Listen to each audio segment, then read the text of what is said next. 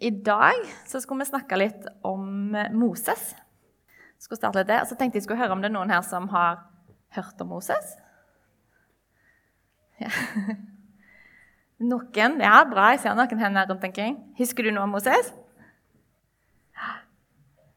Husker du noe om Moses?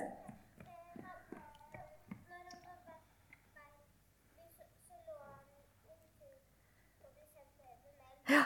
Når han var baby, så lå han i ei kurv og ble sendt ned i ei elv. Det er faktisk helt sant. Vet dere hvorfor det skjedde? Det var fordi eh, Moses han var israelitt. Han kom fra landet Israel. Men de bodde ikke i Israel når Moses ble født. De begynte i et annet land som heter Egypt. Og i Egypt så hadde israelsfolket blitt slaver for alle de som bor i Egypt. Og så ble det så mange folk at han som var konge i Egypt Kongen i Egypt heter farao. Det var det de brukte for konge i Egypt. Farao var redd for at det, det skulle bli så mange israelitter at han sa at de måtte drepe alle guttebarn. Bare jenter skulle få leve. Men så ble Moses født. Og mammaen til Moses så den søte lille babyen sin og tenkte jeg må passe på babyen min. Så hun la han i en korg og sendte han nedover elva for å prøve å beskytte han. Og da gikk det jo bra. Da kom dattera til farao. Hun var og bada i den elva den dagen og fant denne korga og fikk tjenestejenten sin til å springe ut og hente korga. Og eh, så den søte lille babyen oppi og tenkte den babyen må jeg passe på. Selv om hun skjønte at han var faktisk fra israelsfolket, så sa farao at det var greit at hun fikk beholde den babyen. Men israelsfolket hadde det ikke så bra i Egypt. De var slaver. Og det, de ble ikke behandla veldig bra. Slaver er litt det samme som tjenere. Eller, men de får ingen penger. Og hvis de ikke gjorde jobben sin, så kanskje de ble piska eller slått.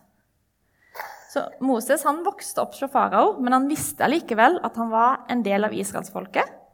Og han så hvor dårlig de ble behandla. Og en dag så, så han, etter han var blitt voksen, så så han at det var en fangevokter eller en slavedriver som slo slaven. Og da ble Moses så sint at han slo han mannen i hjel. Og da ville farao ta Moses, og da må Moses rømme ut, i, ut av Egypt. Så han rømte ut i ødemarken. Og Der fant han en annen familie han fant en, eh, noen jenter og en mann, og han fant en dame som han gifta seg med, som heter Sippora. Og, like, og, likevel så husker han at han var israelitt. Eh, og Gud fulgte fortsatt med på folket sitt og hørte at de hadde det galt der. Men historien som vi skal snakke om i dag, begynner egentlig når Moses har rømt ut i ødemarken, og han er ute og gjeter småfe. Småfe er det samme som sauer og lam og sånt. Og han var ute og gikk i ødemarken med alle sauene sine og passet på dem. Og plutselig Så dere hva som skjedde bak meg? Så han en brennende busk. En stor flamme som sto opp fra en busk. Men, men busken brant ikke opp.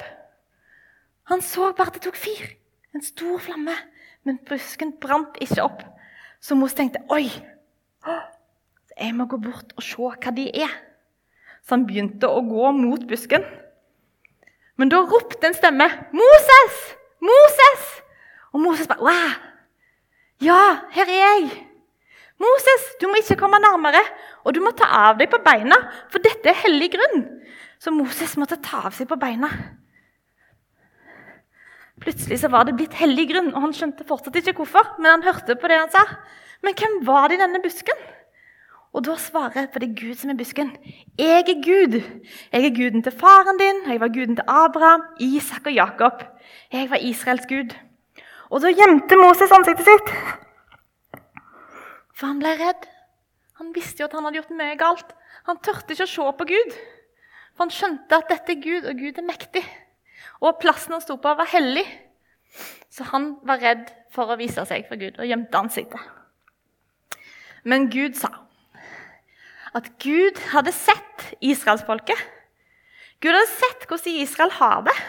Han så at de var slaver. Han så at de ba til Gud hver dag. 'Vær så snill, Gud, du må fri oss fra dette. her. Du må hjelpe oss ut igjen. Vi vil tilbake til landet vårt.' Det ba de om. Og Gud så Moses, og Gud sa til Moses, 'Du, Moses, du skal reise tilbake til Egypt.' Du Moses, du skal gå inn til farao, kongen i Egypt, han som egentlig ville ta Moses, og si folket mitt skal reise tilbake til Israel. Moses skal reise inn og hente alle folkene og ta dem med seg tilbake til Israel. Og tror dere Moses ble glad? Nei, han ble redd. Det var et stort og skummelt oppdrag, så han sa meg! Kan jeg gjøre det? Kan jeg gå inn til farao og inn til Egypt og gjøre det? Meg? Og da svarte Gud, dette er den beste setningen, ja, du kan. Og du kan fordi jeg skal være med deg. Det syns jeg var en fin setning. Kanskje det er skummelt, kanskje det er et stort oppdrag, men det er noe Moses kan, fordi Gud skal være med han. Det er ikke Moses som skal gjøre dette alene. Gud skal være med Moses og hjelpe Moses hele veien. Og Så fortsetter historien, og den får vi sikkert høre mer om en annen dag. Men jeg syns denne historien er veldig fin. Fordi det handler litt om livet. Det handler litt om planen i livet. Kanskje Gud har en plan for deg, kanskje du tenker at Gud har en plan. Og at du er redd for at du går ut av den planen, eller at du ikke klarer å følge den planen. Og jeg tror kanskje Moses hadde rømt fra planen sin. For jeg tror Gud hele veien så Israel og hele veien hadde en plan om å redde dem.